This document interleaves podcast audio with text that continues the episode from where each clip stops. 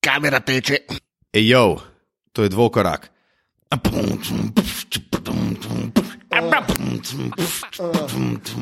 A, Dobrodošli v podkastu Dvokorak, Matija, Luka in Tina smo znova z vami in po dolgem času vsi trije snemamo v Sloveniji, verjeli ali ne. Uh, za začetek bi rad omenil, predvsem, da je Matija pred kratkim praznoval rojstni dan, zato mu seveda vse najboljše, uh, Matija, in predvsem na obilico sočnih debat o ligi NBA. Luka, verjamem, da se strinjaš z mano. Matija, kako si kaj praznoval? Jaz sem praznoval super, samo ena oseba je manjkala na mojem rojstnem dnevu in to je prijatelj, ki je ta čas bival v Oreju. Tilen, tvoje počutje ni najboljše, zdaj ti povej, kako se. Ja, jaz se počutim iz ure v uro boljše, no, moram reči. Sploh pa zdaj, ko se spet po dolgem času slišim z vama za ta podcast, mislim, da je to pogovor za. Eh, Ta pogovor je pravo zdravilo, bi lahko rekel. no, antibiotik praviš. Ja, ja, antibiotik. Ja, no, super, mi dva z Matijo so se tudi uh, dobila.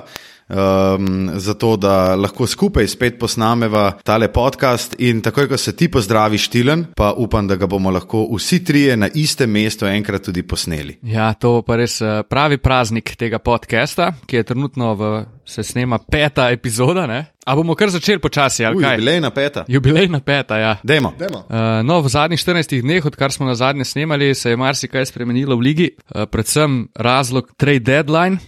Zato bomo danes eh, epizodo predvsem posvetili ocenjevanju eh, menjav igralcev, kdo je zmagovalec, kdo je poraženec, eh, kdo je mogoče kak tihi zmagovalec, ki ga še ni trenutno videti, pa se bo izkazal za takega v prihodnosti. Za konc pa vaju bom povabil še, da napoveta ekipe, ki se bodo uvrstile v playoff letos, glede na menjave, ki so se zgodile, če se karkoli spreminja uh, v povezavi s tem, kar sta napovedala pred sezono. Začnemo pa seveda s tradicionalnim hate kotičkom. Že peti po vrsti, Uh, zadnjič sem bil na tapeti tudi jaz, upam, da tokrat ne. Bom dal prvo besedo uh, Matiji, izvoliš. Tako kot si že sam rekel, en kratek pogovor smo imeli pred začetkom hate kotička, da na trenutke imamo kar težave najti svoje, svoje sovraštvo proti dogajanju v Ligi NBA.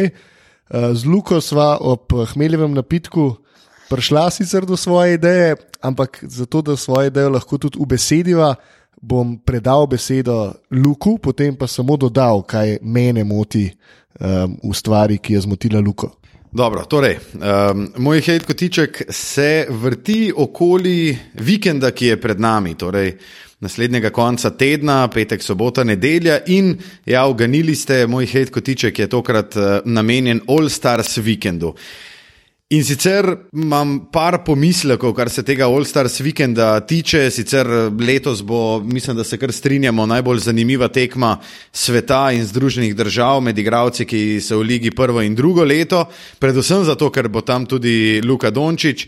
Um, se mi pa zdi, da je All Stars vikend in nasploh All Stars tekma zgubila pomen tudi s tem, ko jo želijo oživiti, s tem, da um, recimo dva, ki prejmeta največ glasov strani um, navijačev, lahko zbirata svoje ekipe, tako kot včasih na igrišču, kot smo bili tudi uh, mi, mehni in mladi, in smo zbirali svoje prijatelje v ekipo.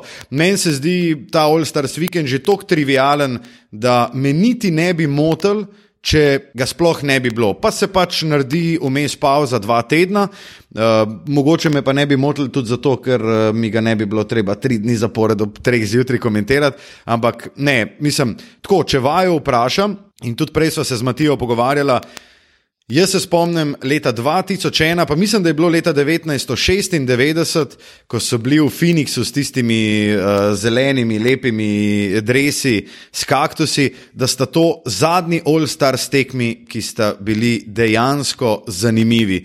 In A se motim, Tilan in Matija, ali sta videla tudi mnenja, da je v bistvu All-Star tekma ratala tako trivialna, da je mogoče niti ne rabimo več? Ja, Matija, daj ti dodaj še temu, kar si mislil dodati. Jaz bom najprej odgovoril. Meni se zdi, da ta tekma je ratala nepomembna.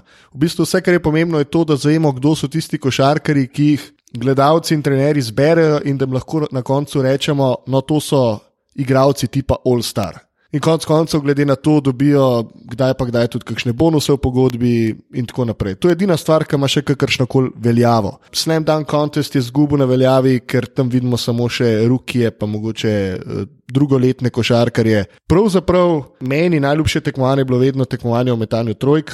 Ker sem jih sam tudi zelo rad metal v, v preteklosti, ko sem še igral košarko. In pravzaprav se mi zdi, da je to edino tekmovanje, ki še ima neko veljavo, ker tja res pridejo najboljši streljci. Vse ostalo je pa ratu čist navaden šov in kar me najbolj moti, je, in tukaj dodajam svoj hate kotiček, je to, da zdaj smo šli v to, oziroma so šli v to, da volijo košarkarje v ekipo Janis in Lebron. Zakaj se sploh gremo še vzhod, vzhod pa zahod pri izbiranju košarkarjev na All-Star tekmo? Če že zbirajo ta Janis pa Lebron svoje igralce, dajmo najboljših 24, pa se znebimo teh konferenc, ki vemo, da so praktično že zadnjih deset let močno na strani Zahoda. Mislim, da bi se lahko tukaj kar z vsem strinjal, kar ste povedali. Meni je osebno na All-Star Weekendu definitivno eh, zabijanje pa trojke dve najbolj kul uh, cool stvari, sploh ta tekma zvest, ki je.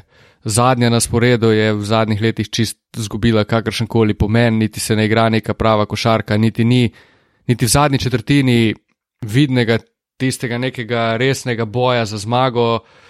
Enostavno je to en navaden šov, pa predvsem to, kar si Matija zdaj omenil, da dejansko se deli na vzhod, pa zahod, pa pol zaradi prevlade zahoda en kup igralcev ponavadi ne, ne pride sploh zraven, pa bi dejansko moglo. Na drugi strani imamo pa na vzhodu ene igralce zraven, ki se lahko pravično mogoče sprašujemo, kaj oni sploh počnejo na All Star Weekendu. Tako da tu bi se dalo še marsikaj izboljšati, oziroma predvsem zbrati res tistih 24 najboljših igralcev, ne glede na to, ali igrajo na vzhodu ali na zahodu. Pa to, to dejansko žrebanje oziroma izbiranje dveh, ki imata največ glasov, me niti ne moti, to mi je dejansko mogoče celo pozitivna stvar. Vseeno pa mogoče, da bi pa kar se znebil te tekme, tukaj daleč mogoče ne bi šel, vseeno je to nek prestiž, ki ga je vredno zadržati, saj za enkrat. No. Ne, pa se je Liga NBA je v bistvu s tem, da s tem izbiranjem uh, dveh, ki prejmeta največ glasov, skušala malo popestriti dogajanje, tudi s tem, da je dejansko dala denar, ki ga zmagovalna ekipa podeli uh, neki organizaciji, oziroma da gre v dobrodelne namene. Uh, je s tem skušala malo dvigati to tekmovalnost, da je dejansko tekma, ki o nečem odloča, ampak.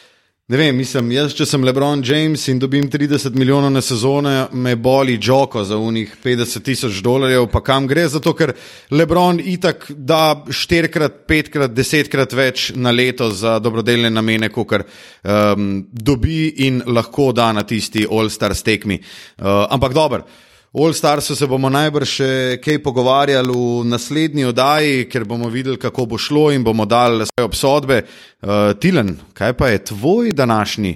Eh, hate kotiček. Ja, jaz sem šel pa mogoče malo v čist nasprotno smer. Zdaj, če si ta vidva zbrala ta najvišji nivo uh, zvezdništva v profesionalni košarki, NBA All-Star tekmo, bom šel pa jaz mogoče še par korakov dol, pa bom se posvetil malo enemu igralcu, ki je trenutno na koledžu, in sicer Zionu Williamsonu nismo se, mislim, da mi trije sploh še pogovarjali o njem. To je opevan igralec, ki mu vsi nakazujejo ne vem kako dobro kariero v Ligi NBA, ampak mislim, da je to eno tako ogromno napihovanje enega igralca, da, da me včasih kar grozano. Mislim, on je absolutno fizično po predispozicijah, po ne vem, te surovi moči, kot radi rečemo, je, je res nerealno, uh, nerealen človek. Uh, kar se tiče zabijanja, odriva in vsega podobnega. Ampak že smo se doskrat naučili, da take zadeve enostavno niso dovolj, da bi bil nekdo superstar, pa res, res uh, franchise player uh, za eno franšizo v Ligi NBA, ki bi imela najviše ciljene. In zaradi tega mi je to poveličevanje Ziona Williamsona kot rešitelja lige, pa ne vem, kakšne prihodnosti mi je vsaj za enkrat hudo, hudo pretirano in zaradi tega namenjam ta svoj hate kotiček temu igralcu, za katerega ne pravim, da ne bo dober, ampak vseeno, dost odriva, pa, pa zabijanje ni dost v Ligi NBA, da bi postregel z ne vem kako zveličavno kariero, kot mu jo napovedujejo zaenkrat. Mislim, kar se mene tiče, ima Zajan Williamson zelo dobre predispozicije, da postane superstar v Ligi NBA. Včeraj po noči je Duke igral proti Louisvillu, mislim, da zaostajal ja, za 23 ja. točk in je, je Zajan bil tisti, ki je zrežiral povratek nazaj in seveda tudi uh, zmago z 71 proti 69. Um, je pa, mislim, ravno to je zanimivo, da je nekdo poseben če, se, če malo zavrtimo čas nazaj in se probamo spomniti nekoga, ki je bil že tok. Uh, fizično sposoben, tako fizično dominanten, preden je prišel v ligo NBA, se sam, recimo, v prvih minutah, ko sem to razmišljal, nisem mogel spomniti pravzaprav nikogar, razen tistih res uh, največjih košarkarjev, centrov in tako naprej. Ne? Ker glede na to, da meri v višino dobra dva metra, gre za recimo krilnega košarkarja, ki pa lahko brez težav igra tudi na krilnem centru. In mislim, da je to pač ta njegova zanimivost. Ne samo to, da je um, res, res uh, skočen, da je fizično res močen, ampak on ima ravno v teh fizikalijah nekaj edinstvenega, ki česar v zadnjih letih res nismo videli. Mogoče se treba tle tudi pogovarjati, um, ne samo o Zajonu, Duke ima dejansko verjetno najboljšo ekipo, college ekipo vseh časov. Zdaj ni tle sam Zajon Williams, Zajon Williamson, tle sta še. Tle še RJ Barrett, pa Cam Reddish, tu so vse igralci, ki so bili top 10 ESPN pred sezono. A pa misliš, da je ja, vsekakor, to vsekakor, res boljša mislim... ekipa, kot je bila recimo Michiganova ekipa z ja. Webrom, ja. uh, Jelenom, um, pa Howardom ja. in tako naprej? Boljša? Ja, jaz mislim, da je boljša. Tudi glede na predikcije, um, mislim, da je imel ESPN eno dobro primerjavo obeh ekip. Uh, glede na predikcije, kako visoko so bili ti košarkari pred začetkom kolic sezone um, uvrščeni, kar se potencijala tiče, um, so za Duke više, vsaj kar se tiče. Zajona, Kema Rediša in Arđeja Bereta. No, ampak da se na Zajona navežem, mene je v bistvu presenetil um, v smislu, da je tako učinkovit. On meče 68% iz igre in da 22 pik na tekmo. Doda še 8 skokov, prelep dve banani, ki sta obe dve zihar na highlightih.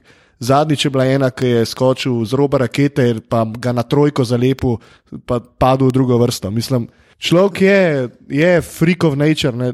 je neka pošast, ki je mogoče v določeni meri nismo videli. Vse smo videli človeka, ki lahko visok skoči, človeka, ki lahko najbolj atraktivno zabije, eh, ampak pri tej masi.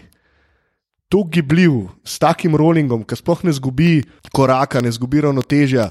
Jaz mislim, da on bo poseben igralec. Zdaj, če bo pa poseben samo v smislu, da bomo videli to na YouTubu en dan potem, ali bo poseben v smislu, da bo osvojil več prvenstv v Ligi NBA, tle pa ne vem, no, tle pa še nisem odločen. Mislim, jaz se bojim, jaz, jaz upam, da, da se motim, ne? ker ima definitivno potencial biti do, dober, oziroma glede na to, kar si se zdaj tudi Matija povedal, res biti dober igralec, ampak se bojim, da bomo pri njem imeli spet enega tipičnega igralca, ki bo trikrat zmagal na All-Star tekmi, kar se tiče tekmovanja v zabijanju, in to bo na nek način mogoče highlight njegove kariere. Ne? Ja, jaz ga recimo z nekim zekom Lavinom ne bi, ne bi primerjal, pa čeprav je zek v letošnji sezoni kar napredovne. Ampak Zajan Williamson, jaz mislim, da je to debata za poletje. Ne? Ker bomo ga precej več spremljali, bo tudi draft combine, vsi, vsi preizkusi. Mislim, da se bo že takrat vsaj malo uh, izkristalizirala slika, kje in kam sodi. Jaz bi sam še tole dodal. Um, Zan Williamson je imel pred kratkim eno malce malo bolj občutno poškodbo. No? In je bilo tudi kar nekaj košarkarjev, Pippen je bil najglasnejši, ki so menili, je za njo svoje pokazal na koledžu, uh, naj se umiri, naj počaka do konca sezone, naj ne igra in potem uh, pokaže svoj talent v NBA. In jaz znam tukaj za Anu Williamsonu kapo dol, zato da je ignoriral vse te glasove. Uh, Teh okitenih mož iz NBA in prišel nazaj in Djuku pomagal, ne na zadnje, do te epske zmage včeraj. Se čist strinjam s tabo. Velike pohvale za njega. Lamo, da se preveč strinjaš, ni tako zanimiv. Ja, ne, sam se pa strinja z nama, ker sva v bistvu dala proti argumente tvojemu hejtkotičku, pa si se zdaj v bistvu kar začel strinjati z nama. A si zikar, da ti gre na boljš? Ne, ne, ne. Jaz bi se še enkrat vprašal. Ne, ne, ne. Pa, če sem se hotel reči, da trenutno moti me to poveličevanje za enkrat njega, ki ga vsi imajo že za naslednjega superstara v NBA-ju. No. Ja, dobro, sam pol te more tudi zelo motiti no. poveličevanje Luke Dončiča v slovenskih medijih. Ja, zakaj? A on mogoče je v NBA-ju pokazal, da, je, da ni dober ali kaj? Ja, kaj pa bilo še pred tem, ko je Luka prišel v NBA? Ja, pa se je pokazal že v Evropi, da je najboljši v Euroligi. Ja, no, Zajen pa kaže v NCAA, da je najboljši na A torej imamo ravni. zdaj Euroliga, pa NCAA je enako. Joj, točno vedel sem, da boš s tem argumentom Ja, no, sej si, sej si sam šel noter. Ja, ne, ampak, Točno to. Ne. dober, ampak, a koledž igravci, ki so, pa naj- ki so pa najboljši na koledžu, pa v bistvu niso dokazani, ali kaj? No, lej, jaz sem, sem reč, da mi njegova, mi njegova igra ne prepriča, da bo v NBA-ju res tak su, hud superstar. Tudi Ben Simons je bil ne vem koliko hud na NCAA-ju, pa vsi vemo, kaj si mislimo o njemu dan danes. Ja, ti, kaj si misliš, kaj si pa Kaj si misel pa ti ostala misliš? No, javnost? povej Model je all Luka. star, no. Luka, Model je si model je Benu trico včeraj na postavljen napad. Lamut si to videl. Ja, ja. No? Luka, povej mi, kaj si misliš o Benu Simonsu, povej mi zdaj takoj. Da gre za zelo dobrega mladega organizatorja igre, da je v bistvu uh, visok organizator igre, ki ima noro veliko manevrskega prostora za izboljšanje in ki bo on dodal med spol razdalje in med za tri, kar se bo neizbežno zgodil, bo, bo top tri organizatorjev igre v ligi. In pika, ne moreš, če ga ne maraš, ga pač ne maraš, ampak ne moreš pa, ne moreš pa zanikati tega, da je mega talentiran in da je že zdaj, v bistvu v drugi pravi sezoni, skoraj že vodja enega pretendenta za naslov prvaka. No, jaz ne bi rekel, da je on vodja, ampak dobro. To je to, evo, zdaj ti pa gre na boš. Ja, no, evo, tukaj da smo zdaj prišli na svoje.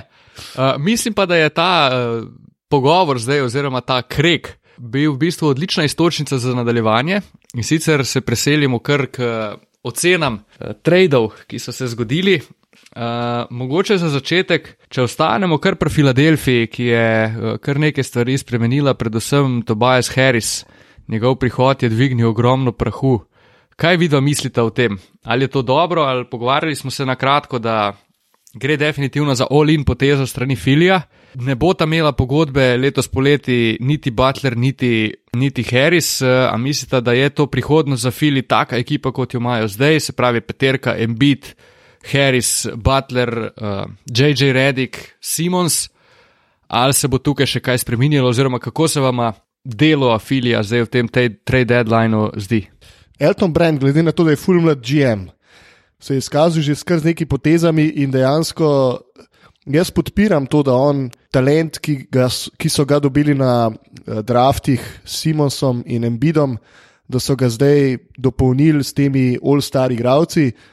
In mislim, da je to prav, oziroma da, da je zdaj pravi čas, da Filadelfija gre all-in.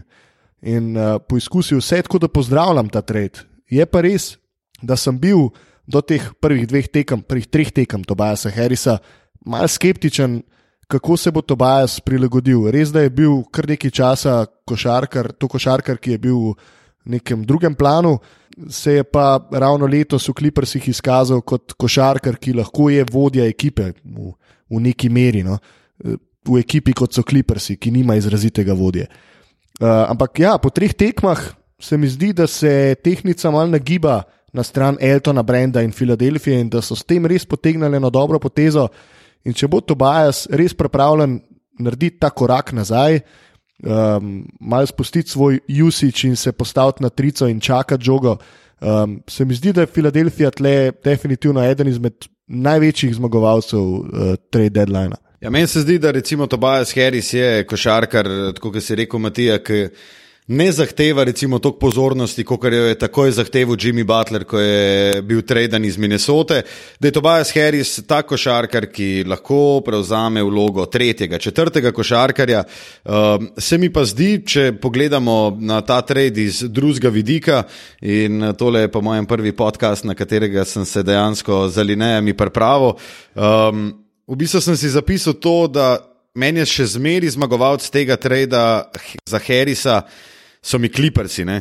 ker dobili so dva pika v prvem krogu, dva v drugem, že to je kar dobro v bistvu za Harrisa, od katerega bi kliprsi, ki, ker mu poteče pogodba po koncu sezone, dobili pravzaprav 30 tekem. Harris bi sicer lahko ostal v Clippersih, ampak bi ga mogli kar konkretno plačati. Tako se pa tudi Harris, po mojem, sam zaveda, da je obkrožen zvezdniki in lahko vzame nekaj milijonov manj, obenem pa se mi zdi, da pač že to, da dobiš ti dva first round pika in seveda še Lendrija Šameta, ki je dobro odigral prvo tekmo, uh, da dobiš Chandlerja, Muskalo in tako naprej, da se mi ti, to zdi zelo, zelo dobra zamenjava za ta res omejen, omejeno časovno obdobje, ki bi ga vsaj na takem nivoju uh, odigral Tobias Harris. Jaz bi sam še na hitro nekaj dodal in sicer smo tleči spozabili na Bobana Marjanoviča in Majka Skota. Mike Scott je zelo uveljavljen, zelo uveljavljena streč štirka v ligi NBA in je že igral na pomembnih tekmah z Atlanto. In jaz mislim, da tukaj je Filadelfija naslovila tudi eno veliko težavo, ki jo je imela na klopi, ker dejansko za prvo peterko niso imeli praktično nikogar, ki bi uh, lahko stopil v igro in s svojimi izkušnjami in znanjem pomagal.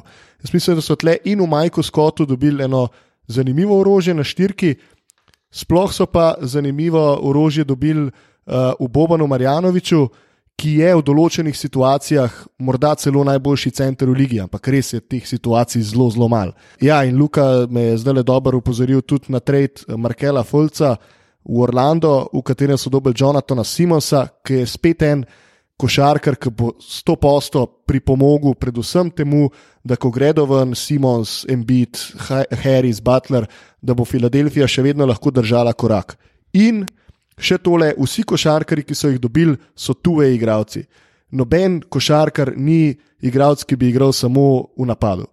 Ja, jaz bi recimo za Jonathana Simonsa dodal še to, uh, preden ti len ti poveš tvoje, uh, svoje mnenje.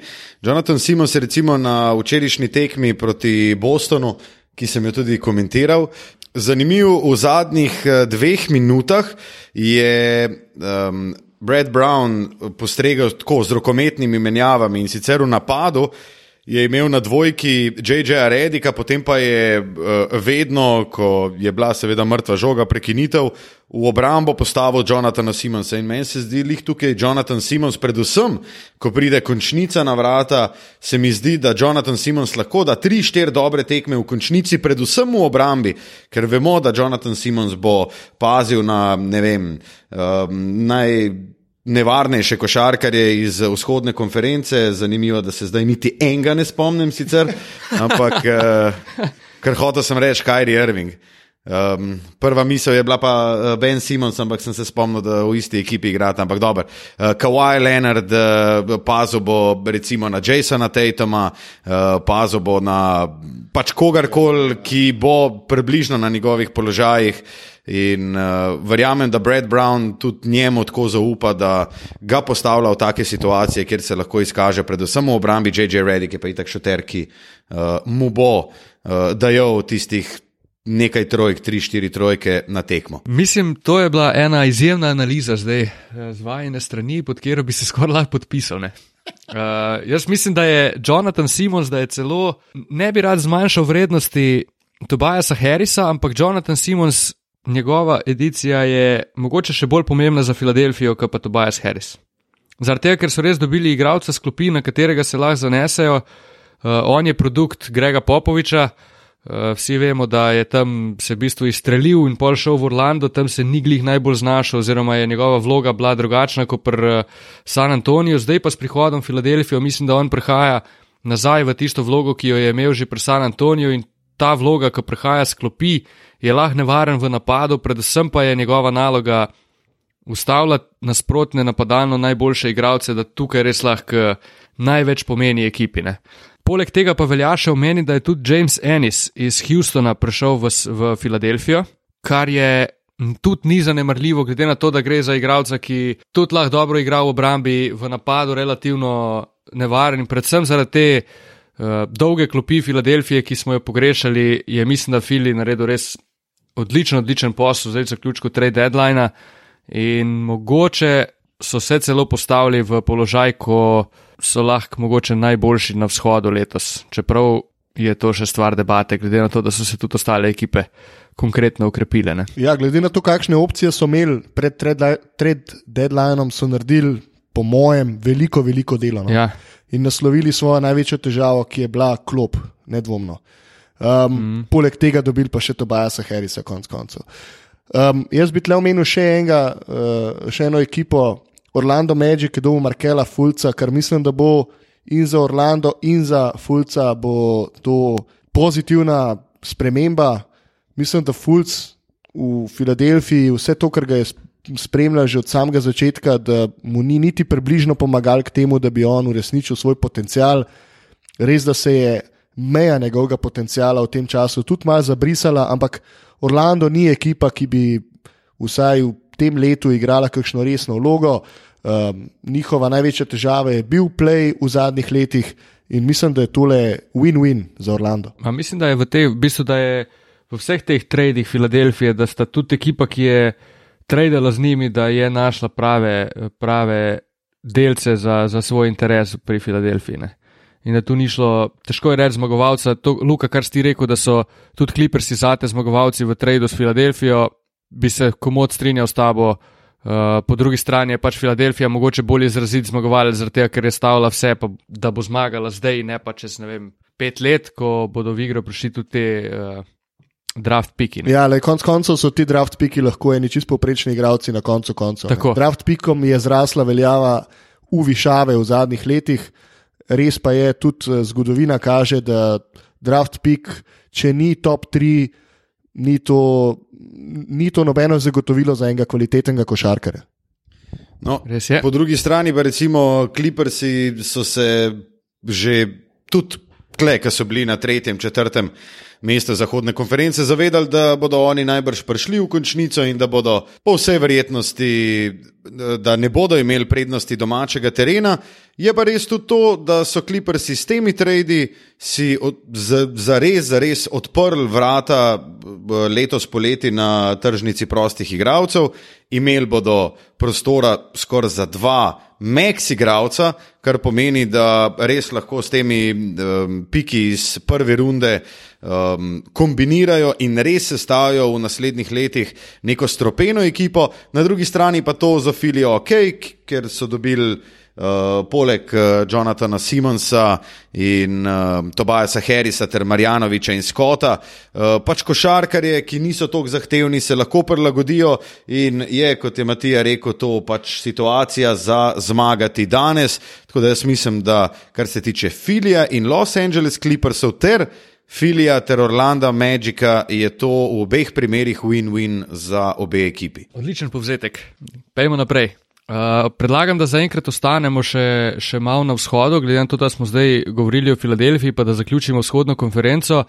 Uh, vse ekipe, ki se v bistvu borijo za, za vrh konference, so se okrepile ne? in zdaj je to pri meni osebno, če sem na začetku sezone stavil na, na Boston, uh, pa nikako resno jemal Toronto, kljub temu, da so dobro igrali, se mogoče zadeve malo spreminjajo. Toronto se je okrepil, Mark Gasol za. Valančunasa, Dilona Wrighta, CJ Milesa, pa pik druge runde 2024. Poleg tega Milwaukee, ki je za me z edicijo Nikole Mirotiča mogoče celo en tak tihi zmagovalec tega trade deadline. Uh, fantastičen dodatek, mislim, da te ekipi Milwaukeeja da širino, uh, je dober strelec, je v bistvu že izkušen igralec z lige NBA in mislim, da se bo odlično vklopil, če ga seveda. Eh, ne bodo, oziroma če ga poslužijo, če ga posluži zdravje, oziroma ga ne, ne zmotijo preveč poškodbe, kar je bila kar navada v bistvu v zadnjih dveh sezonah pri Mirotiču. Uh, kaj bi vidva rekla za, za Milwaukee in pa Toronto, je to dost za resen run v, v končnici ali bo zmanjkalo kaj? Ja, jaz bi se najprej navezal na te. Rekel si, da v bistvu vse ekipe z vrha vzhodne konference so bile zelo dejavne ob trade deadlineu in so dodale neke zelo pomembne koške v svoje sestavljanko. Razen Bostona, ne? ampak Boston je pa spet uh, to, kar smo govorili že v dveh uh, prejšnjih podcastih. Boston si v bistvu pripravlja teren za letos poleti, tako ali tako niso uspeli pripraviti peljati nikogar res relevantnega, ker tudi pač eh, v bistvu niso imeli neke možnosti, se vemo, da je Danny Ainge v bistvu uh, zelo, zelo dober GM. Uh, eh, jaz bi pa recimo Nikolo Mirotiča, po mojem mnenju, uvrstil celo kot najboljši trade Milwaukeeja, oziroma najboljši trade ekipe v tem uh, trade deadlineu. In to izključno zaradi tega, ker se mi zdi, da Mirotič doda še eno dimenzijo in da se bo noro dobro vklopil v napadalni sistem Majka Badenholzerja, ki v bistvu temelji na tem, ali kucaš, ali vržeš trolo, drugo v bistvu ne obstaja. In Mirotič vemo, da za tri catch and shoot meče 38, 39 odstotkov in da gre za košarko. Jaz mislim, da se bo noro dober vklopil torej v ta sistem, v bistvu so pa zanj dal Tona Makerja. Um, pa dobro, še dva, dva izbora v drugem uh, krogu nabora, če se ne motim. Ampak jaz mislim, da je to, da Miroti, rečemo, tudi če bo prihajal v igro, sklopi je odlična menjava za Janisa, ker zadene trolo, sicer ni tako uh, agresiven, ni tako prodoren kot Janis, se skoraj nihče ni, ampak jaz mislim, da z njim res tudi klop Milwaukeeja dobi neko novo, dodatno, dobro, pozitivno energijo. Kaj praviš, Matija? Jaz pravim, da je bila to ziharca uh, Milwaukeeja. Se čist strinjam, da je s tem Milwaukee dobil niti ne nove dimenzije, ampak igralca, ki točno paše v sistem, ki ga Milwaukee v letošnji sezoni igra. Mirotic se bo vključil, jaz ne dvomim, niti za trenutek, ampak ne bi jih pocenil za kakšne zmagovalce, ravno zaradi tega, ker oni v bistvu ne bodo tako veliko napredovali, se mi zdi, s tem, ko so Nikola Mirotiča dobili. Koga bi pa ocenil za zmagovalce, je to debata za čist na koncu? Dajmo to debato prešparati za na konec, pa bomo na koncu ocenili, no, kdo je zmagovalec po našem mnenju.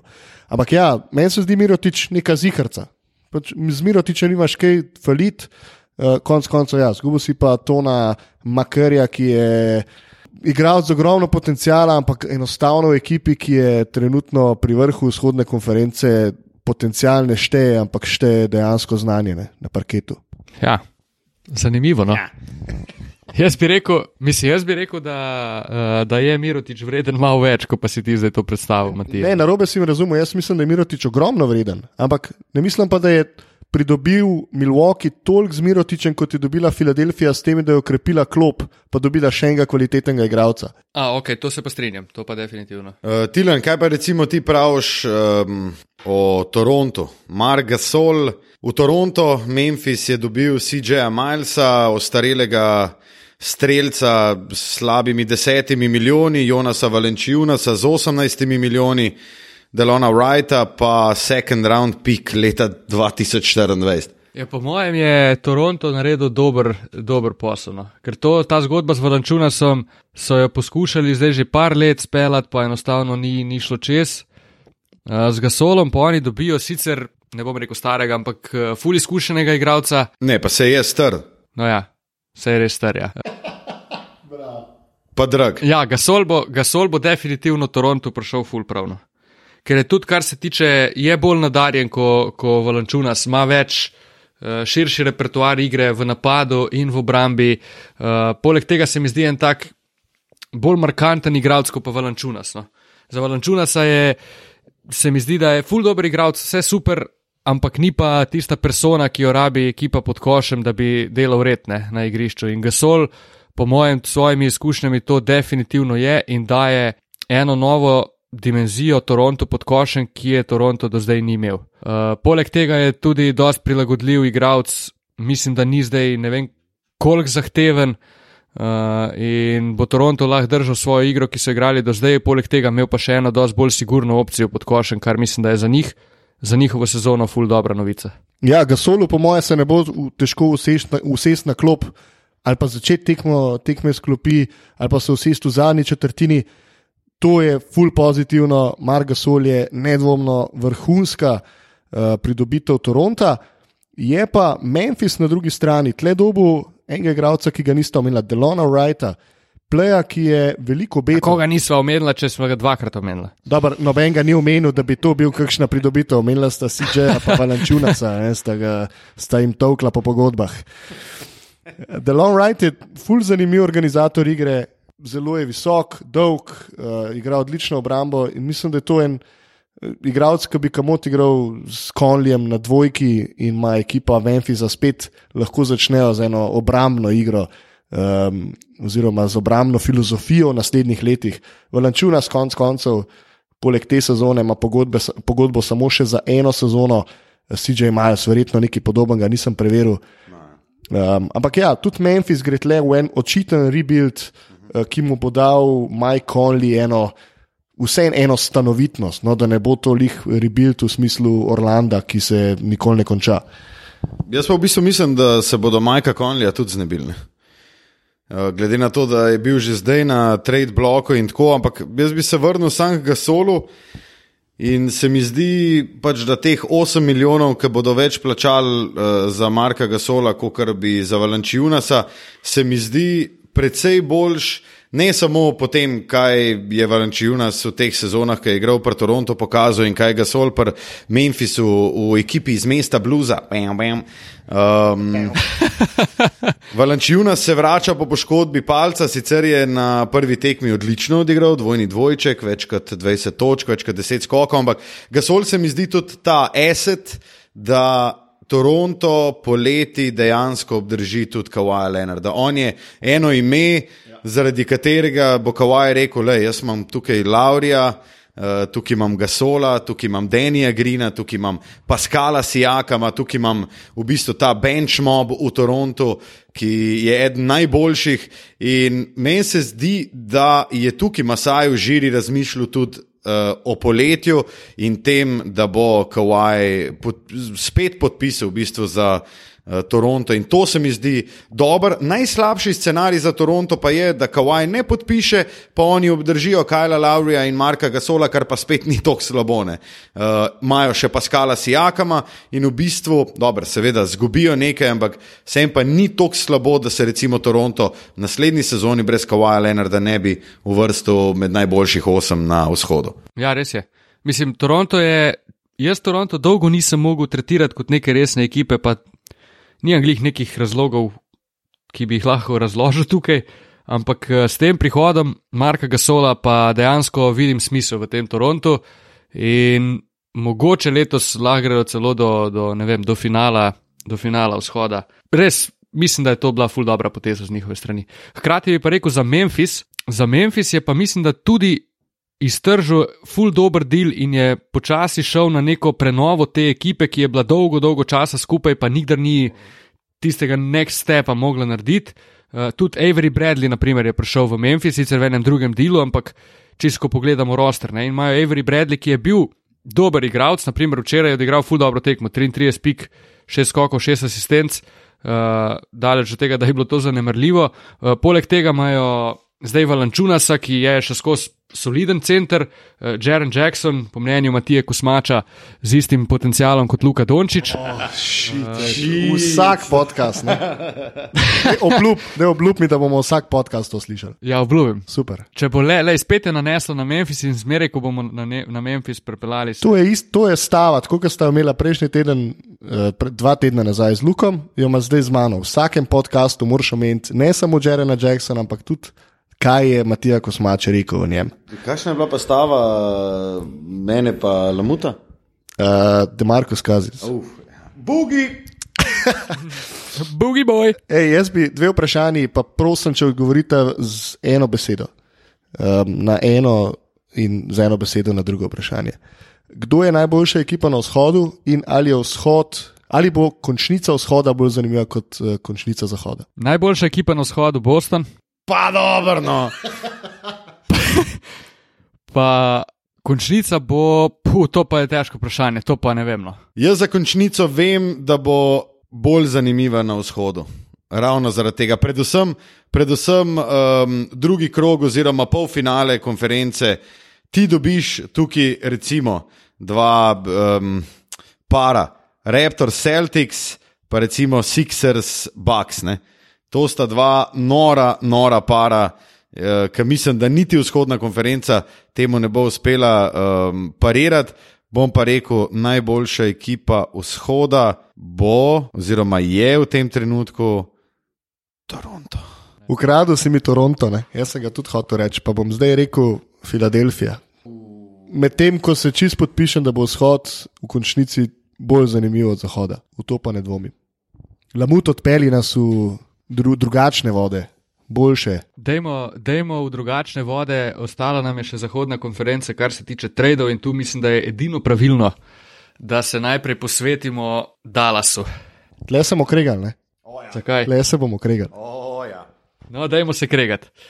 Porzin God je prišel, um, Dallas se je znebil kar Zinger. konkretnega števila igralcev. V bistvu je Dallas, uh, po mojem, mislim, realno razbil ekipo, ki jo je sestavil pred sezono. Uh, videli so, da pač do playoffa bodo zelo, zelo težko prišli. Uh, pojavila se je ta priložnost, um, razbili so vse, Deandri, uh, Wes Matthews, uh, Harrison Bars na koncu koncev, ki je šel v Sacramento. Prišli so eni zanimivi igralci, Justin Jackson itd. Predvsem pa seveda Porzingis. Uh, Your take, guys, please. Moj tek je, moj tek je samo to, da si kot prvega, z, kot zanimivo okrepitev dal Justina Jacksona, ampak ajde. Pa dobro, če sem končal z Pa Bars. dober, ne. ne, meni se uh, poleg uh, tega trada Mirotiča zdi mogoče najboljši trade ta uh, Justin Jackson, Zach Randolph. Justin Jackson na ruki pogodbi, Zach Randolph uh, gre ribe loviti uh, polet. Uh, za Mislim, je On Harrisona. bil celo že Waven. Ja, ja, ja, seveda, ampak vse sem rekel, da vsem. Zdaj lovic, ne so šle polet. No, dobro, ajde. No. Ja. Sej, na Floridi je čisto sen, kam gre, ker ima boj da tam vikend. Um, Meni se zdi, Da ga pil tam ali kaj. ja, pis, da, se veš, da so mi dva pa zibov sva na tine. Taka pivička, pa topli sendviči. Ja, to, ja, topli sendviči, točno to, kubanski sendviči. To se mi zdi res dober trade, zato ker Dallas s tem tradom dobi dejansko prostor polet za eno max pogodbo in to lahko govorimo, valjda, kaj pa če pride KD, kaj pa če pride Irving, kaj pa če pride Clay, kaj pa če pride AD, ne? Pač dejansko imajo za, maksimo, za maksimalno pogodbo imajo placa, oziroma odvisno je od tega, koliko denarja bodo dali eh, na draftu, tem pikom. Uh, Barnes bi mogel dobiti 25 milijonov, tako so pa dobili ruki pogodbo in uh, iztekajočega Randolfa. Um, se mi pa zdi to um, dober trade, ampak v samo eni, ampak samo v eni stvari se mi zdi pa napačen trade in to, da so bogega reveža fucking tradal med tekmo, ki jo je igral in v, v zadnji četrtini ni smel stopiti na igrišče, ker ko je igral tradan, ne sme v bistvu več igrati, oziroma uh, Harrison Barnes je dejansko lahko vstal v dvorani, ker drugač, če je recimo na letalu, igralec trada ne sme iti niti v dvorano kot član drugega moštva. Luka, dej dodaj še svojo porzingiso. No? Ja. Przingis. Mo, Dramatično. ne, Pa gremo. Moj ljub, sicer moj ljubček, ne, um, ampak mislim, dva pogoja sta. No. Mora biti zdrav, ne sme biti um, steklenko, mora priti v formo, ki smo jo videli. 22 točk, dve blokadi, Pol sezone smo videli formo, potem je kar pošteno padla. Ja, no se je to. Ne? In samo to me res, mislim, samo zaradi tega nisem optimističen. No? In uh, ko sem takoj slišal za trade, sem v Melbournu uh, udaril v spalnico Matije Kosmača, ki je sicer spal, ni delo nič, uh, ni, mislim, ni se onečedil ali pa kaj uh, nečednega počel. Um, in sem ga v bistvu prebudil s to trade novico. In takrat so se v bistvu oba strinjala, da je Dallas tukaj zmagovalec, potem pa je prišla uh, bomba strani Voža, Vož bomb, a ne, Šems Šaranja je bil. In uh, takrat je dejal, da gresta v nasprotno smer še dva uh, izbora v prvem krogu naborov novinca, uh, novincev. In takrat se mi je pa zdel, da v bistvu Dallas niti ni zmagovalec uh, tega trada. Je pa pač odvisno je res samo od, tem, eh, od tega, a bo Porzingis na ravni, kateri je bil pol sezone pri New Yorku in ali lahko Dallas poleti s tradom Harrisona Barnesa, ko se je odprl prostor za plače, dejansko privab še enega visokoprofilnega košarkarja in če jim to uspe, Potem pa ne bom več tako pesimističen, kot v letošnji sezoni, ko sem vse prepričeval, da se Dallas ne bo uvrstil v končnico, pa sem bil sovražnik številka ena v precejšnji, oziroma v precej, eh, precejšnjemu številu družb. Uh, se mi pa potem zdi, da če jim to uspe, če Marko Kubano to uspe, da Dallas, potem pa dejansko lahko rata igračina na zahodu. Jaz sem takrat, ko me je Lukas budil, sem me trikrat najprej vprašal, če je to res ali sem slučajen tarča, kakšne neslane ne šale. Um, mal, me, mal sta me šokirala ta dva pika v prvem krogu. Mogoče bi pričakoval en pik v prvem, pa enega v drugem, pa bi si upal trditi, da je Dallas tukaj zmagovalec. V smislu, da so dobili za iztekajoče pogodbe Porzingisa, ki je košarkar, ki lahko postane superzvezdnik. Jaz mu še ne bi rekel superzvezdnik, ima pa vse, vsa orodja za to. Um, treba je vedeti, da je v treh sezonah izpustil več kot polovico tekem. Pa tukaj ni samo koleno, tukaj je um, težave s hrbtom, utrujenost, uh, bolezen. Tukaj je bilo tisoč in en razlog, ki je bil za to, da je on spuščal tekme že v New Yorku. In tle bo zelo zanimivo videti, ne? sicer bo njegova vloga uh, zmanjšana, oziroma bo igral manj kot je mogel igrati v New Yorku tik pred poškodbo, tako da to mu bo pomagalo. Ampak ja, imam svoje pomisleke. Še zmeraj pa mislim, da je Dallas zmagal, ker mi je všeč ta prevetritev. Harrison Barnes, recimo, je košarkar, ki sem ga jaz zelo težko gledal v Dallasu in za katerega so dobili, kot je Luka rekel, pravzaprav kar dober povratek strani Sakramenta, na drugi strani mislim, da se je Sakramento tukaj po domače povedan jebnu v tri goveje, ne, uh, vulve. Um, ja, Wesley Matthews je bil, mislim. Zelo vesel sem, da ko naslednjo tekmo dala se gledam, da ne vidim nobenega polstapa strani Wesleya Matthewsa. Zelo, zelo uh, sem pa zaskrbljen ob novicah, ki jih berem na spletu, in upam, da so to čiste izmišljotine, ko pošiljajo Dallas Nikolo Vučeviča in da se formira evropska ekipa v Ligi NBA. Ah, hvala, ker... hvala, hvala, hvala, hvala za to, ker... kar si zdaj povedal. Hvala lepa, ker sem se bal, da bom bil spet hejtan. ne, ker to je, to je spet en igralec, ki se mora postaviti na rob rakete, dobiti žogo, pa dobiti svojih 8 sekund v napadu, zato da se karkoli zgodi. Pač Prozingis in Luka zdaj rabta enega centra v stilu Dwayne Dedmond bo recimo free agent. Dwayne Dedmond bo tekel do obroča in kucnil un Elijub, ki mu ga bo Luka podal, pobral skoke pod košem, igral obrambo in to je to. Na trojki pa je ja, Justin Jackson, bo en zanimiv projekt, ki ga bo zanimivo spremljati. Bodo pa jasno, ravno na trojki najbolj aktivni uh, v free agency. E, en predlog bom dal. Jaz bi se full napalil v primeru, da sem Dallas, uh, da sem Mark Cuban, bi se full napalil na Kleja Thompsona. Krisa Middletona. Pa Kawaja Leonarda. Kawaj je prišel. Ja, zakaj bo pa Kris Middleton prišel? No, ja, prej kot Kawaj bo prišel. Mislim, da po mojem, po mojem glih to, da bi Kawaj pa, pa Duren, da sta preveč mogoče že superstarja, ker Dallas če kot superstarja med Dončiča. In tukaj zdaj prepeljati enega Durenta, spet lomiš to v ekipi, nek, neko, neko razmerje moči in po mojem je treba prepeljati nekega igralca, ki bo sem komplementiral. Pa dobro, no. Uh, Dončiča pa Porzingisa. Ja, jaz se strinjam. Ja.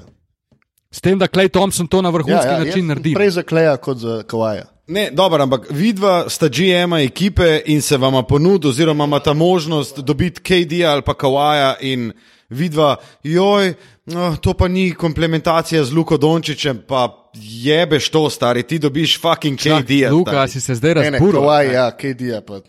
Kdo hoče imeti kaj dias? Jaz bi ga z veseljem imel, da bi ga namarala. Da je nehi. Zato, ker nima ta blage. Pizda. ne, ne, eh, čist tako navijaško, ja. Itak, itak bi vsak dobil najboljšega igralca možnega, ampak ja, čistko navijaško bi bil pa zelo vesel, če se zgodi to, kar si ti le omenil. Um, zdaj, glede na to, da nas čas že malo preganja, um, mogoče samo omenimo še tri igralce, ki so prišli zraven Porzingisa: Tim Hardaway Jr., Courtney Lee pa Trey Burke. Po mojem, kar dobri dodatki, predvsem Tim Hardaway Jr., zanimiv igralec. Malo smo o njem govorili že, že v prejšnjem podkastu. Uh, Trey Burke solidna rešitev za, za Beka, čeprav zdaj bo Jalen Brunson O, ja. ljubljenec Matije Kosmača. O, ja. To bom tudi v vsakem podkastu povedal, uh, dobil še na večji veljavi, oziroma še bolj lahko pokazal svoj V bistvu ga že kaže. No? Na zadnjih tekmah je, mislim, da še prav vse tekme, ki jih je imel priložnost začeti, igral zelo, zelo solidno. Luka, imaš ti še kakšno uh, za prisolid zraven, glede na Jaz te tri igralce? Courtney Lee je očitno propadel projekt, ker uh, niti ne igra. Ja, definitivno. Um, tako da verjetno je Courtney Lee samo ena iztekajoča pogodba na, na kontu Dallasa, medtem ko ja, Tim Hardaway um, je imel preveliko vlogo v New Yorku in zaradi tega bil uh, slabši, manj učinkovit. Um, in roko na srce še ni igral s tako dobrim plejem v karieri, kot je Luka Dončić. In tukaj se mu bo odprl ogromno enih odprtih metov za tri točke, in pričakujemo lahko, da bo čist soliden šuter um, v Dallasu in ena, ena dobra rešitev na, na dvojki. On bi, po moje, lahko bil dolgoročno gledano za Dallas kandidat več sezon zapored za Sixth Man Ja. of the Year. Res je. Pa še nekaj bi dodal, Tim Hardaway je eden izmed zmagovalcev v tem tradu. On je imel trade kicker 15 odstoten in uh, New York mu je mogel plačati še slaba 2 milijona za vsako izmed naslednjih dveh sezon, poleg teh 18, ki jih že tako ali tako dobi na račun strani Dallasa. Tako da Tim, Timu Hardawayu se je verjetno začel kar pošteno smejati, ko je prišel v Dallas. Uh, mogoče sem še par kratkih vprašanj imam za vaju, kar se tiče uh, trade deadline oziroma prihodnosti. Um, a mislite, da so Lakersi osmoljenci tega trade deadline, glede na to, da je Anthony Davis, to smo sicer pozabili omeniti, ampak mislim, da se tega vsi dobro zavedamo, uh, ostal v New Orleansu, ni bil traden v. v Jaz bom zelo na hitro to rekel. To je bila slaba situacija za obe moštvi. New Orleans uh, praktično zdaj ne ve, kaj bi z Antonijem Davisom, želeli so ga shutdownati do konca sezone, pa je Liga NBA stopila, pa to preple, preprečila. Težko je igrati z njim, Antoniju Davisu je težko, na drugi strani pa Lakersom težko, zato ker so polovico ekipe želeli tradati za Antonija Davisa in so videli, da so v bistvu zelo hitro za, zamenljivi in odkar se je Lebron vrnil po poškodbi, so Lakersi zmagali dve tekmi, izgubili tri in igrajo grozno košarko, tako da jaz mislim, da kar se tega tiče, sta obe ekipi veliko izgubili. Jaz bi sem še dodal, da se je tukaj mogoče videlo, kako necenjeni so vsi te igravci, ki jih imajo Lakersi, kljub temu, da se Lakersi sami sebe prepričujejo, da je Brandon Ingram full vreden igralec. In kako se je lepo vrnil bumerang Lebronu Jamesu, ki igra GM-a, sem po svoje tudi vesel. No? Ufiko.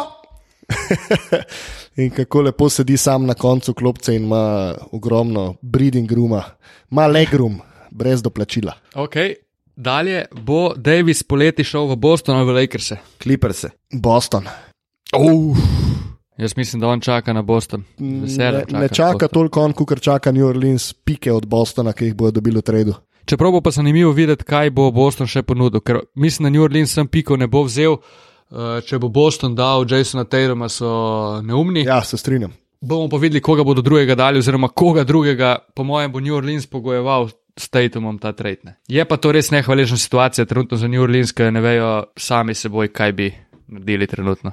Ok, še eno vprašanje. A mislite, da lahko New York podpiše dva superstarja poleti? Lahko, ker gre za ekipo, mislim, da je Forbes nedavno uh, izdal za ekipo, ki je v bistvu. Najvrednejša ekipa. Ja, ima največjo tržno vrednost in mislim, da vsi, vsi radi igrajo v Madison Square Gardenu, tudi največji zvezdniki, ki pridejo tja, imajo več motivacije, da natresajo 60, kot je Kobe, 50, kot je uh, LeBron, 50 oziroma 60, kot jih je Harden letos, ne? ali se motim, 50 ali pa 60, se nima veze. Um, in mislim, da ko si pa recimo 41 tekem pred tako publiko in na tem tržišču je pa stvar še toliko boljša in če imajo prostora za dva, ne samo za enega, se mi zdi boljša situacija. Čeprav na zadnje, ki se je to zgodilo, so potem, mislim, da takrat za neverjetnih 100 milijonov podpisali uh, Amarija Stadomarja. Ja, jaz mislim, da se to lahko New Yorku sfiži. Um, verjamem, da lahko podpišejo dva superstarja in jaz tukaj računam, da bosta zelo resna kandidata Durant in Irving. Um, na drugi strani se pa lahko zgodi ravno to, če se v prvem tednu trade deadline ne zgodi podpis enega izmed top igralcev, tukaj recimo je še Jimmy Butler, resen kandidat, um, lahko New York na koncu preplača enega Indijanca. No? Sam zato, ker Ja, bodo imeli polno keša in ker ga bodo morali nekam dati. Čeprav jaz mislim, da Jimmy Butler še skozi ni uh, kaliber, ki, bi, ki ga oni iščejo. Oni morajo iti na, kot si rekel, Durenta, Irvinga, Leonarda, pač res top, top, top klas igralce in dva prepeljati in pa lahko začnejo razmišljati o tem, da spremenijo pot te franšize. Ampak kjer še kaj za dodati na to temo? Ne, popolno, popolno si zaključil našo debato o. Ja, hvala lepa. O No, tem. hvala Res. lepa. Potem pa predlagam še, da izberemo uh, na hitro, da mi zaupata zmagovalce trade deadline, po vašem mnenju. Po mojem mnenju bom kar rekel Dallas s Tradom z Harrisona Barnesa. La, lahko je tudi več ekip, ne? ni nujno, da je samo ena. Ja, jaz bom Filadelfijo izpostavil, stredi, ki so jih naredili, ne samo z enim tradom. Pa mislim, pravzaprav bi izpostavil samo top tri ekipe na vzhodu. No. Toronto, Milwaukee, Filadelfija so vsi pridobili, kar nam obljublja fenomenalno končnico. Jaz bi se sem strinjal, dodal bi pa še Boston. Klih zaradi tega, ker ni naredil čist nič in je potrpežljivo počakal, in Boston ima s tem, ko ni naredil nič, ko ima ekipo, s katero igra že dve leti, po mojem mnenju, manjšo prednost tudi v končnici, ker se ekipa dobro pozna, je uigrana in če Boston vsi te igralci odigrajo tako kot. Kaj bi ti zdaj videl, sposobni kaj bi ti zdaj videl štucina, kako mu pokrov kot pravim, počakaj, še skus pravim, da je Boston prvak na vzhodu. Mislim, največja, največja težava oziroma največja napaka Bostona je točno ta, da je bil tako neaktiven na tržnici igralcev. In ti govoriš o tem, da, da igrajo skup dve sezoni in da so igrani. Ne, lih to je problem.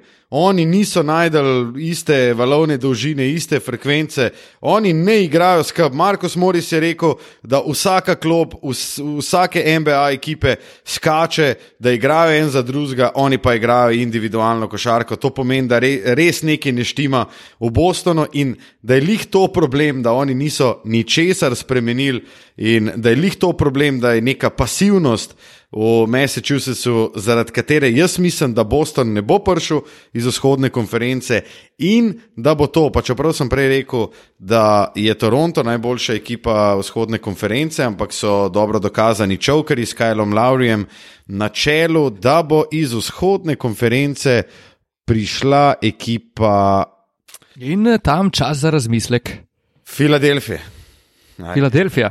Ja, povej, pa, pa ostani pri tej temi, pa, pa povej še ostalih sedem ekip, ki se bodo vrstile v playoff. Ne, dej, eh, gremo povedati samo, samo tista, ki bo prišla. Samo v finale. finale. No, Ne, ne, ne, jaz pa sem za sedem, zato ker v bistvu bom zamenil samo uh, Pistonse, pa Miami in imamo trenutne člane vzhodne, vzhodnega playoffa.